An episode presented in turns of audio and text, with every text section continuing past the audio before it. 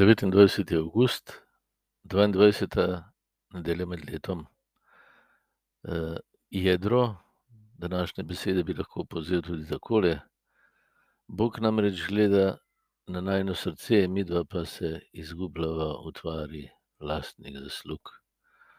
Uh, Jezus nam v Evangeliju pokaže, da je najna težava v tem, da ne temeljiva svojega delovanja življenja na božji besedi in eh, zapovedi ljubezni, ampak na različnih naših prepričanjih, predsotkih, izročilih, držah, mislih, dožnostih, nešteta namišljenih stvari, ki jih postavimo kot strukturo, s katerimi si hočemo spet pridobiti božjo naklonjenost, pa vrniti lepoto in dobroto, ki jo izgubimo, potem ko Bogu ne zaupamo, ko ga hočemo pozabiti, prezreti in živeti mimo njega.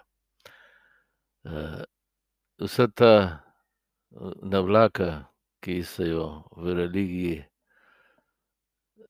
oprimemo in jo zgrabimo kot možnost samoodrešenja, uh, ovira, da srce ne oživi, da ne doživi izpolnitev obljube, ki jo je Bog dal v Jezusu Kristusu, in ne okuša božje bližine in skrivnosti, njegove nazočnosti.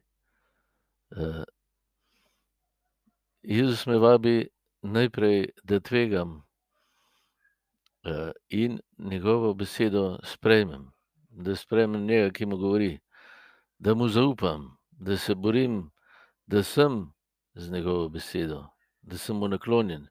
Potem ga bom začel tudi razumeti in dojemati. Uh, Torej, najprej sprejmem njegovo besedo, jo obogam, mu zaupam, potem ga začnem dojemati. Potem se tudi moj um odpre, ker je zajet v odnos, in eh, potem lahko ne pozabljam besed, ki sem jih videl v svoji izkušnji, da so postale meso, ker za temi besedami stoji oseba Jezusa Kristusa ki samega sebe podari.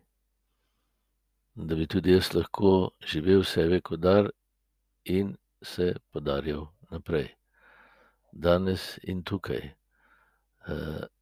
Da se tudi tebi, ki me srečaš, razodene božja bližina in veselje na tabo. V tem je lepota božje obljube, to je največji dar, ki si ga lahko podarimo